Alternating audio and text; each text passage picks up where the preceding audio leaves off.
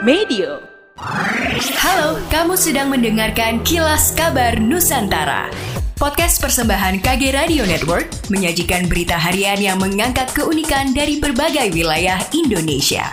Kilas Kabar Nusantara dapat juga didukung oleh pengiklan loh.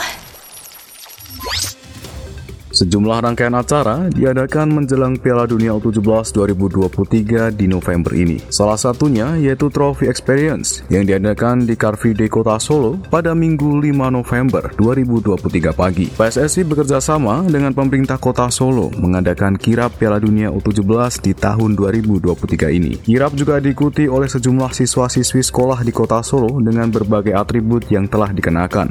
Selain itu juga nampak sejumlah tokoh seperti Ketua Umum PSSI PSSI Erick Thohir, Wakil Ketua Umum PSSI Zainuddin Amali, jajaran Exco PSSI, PJ Gubernur Jawa Tengah Nana Sujana, dan juga Wali Kota Solo Gibran Raka Buming Raka.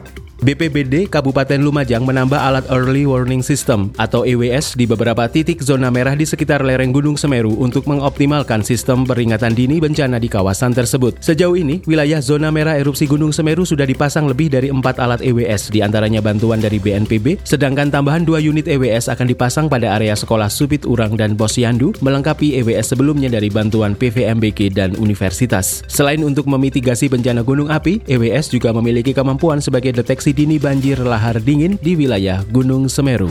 Demikianlah kilas kabar Nusantara pagi ini.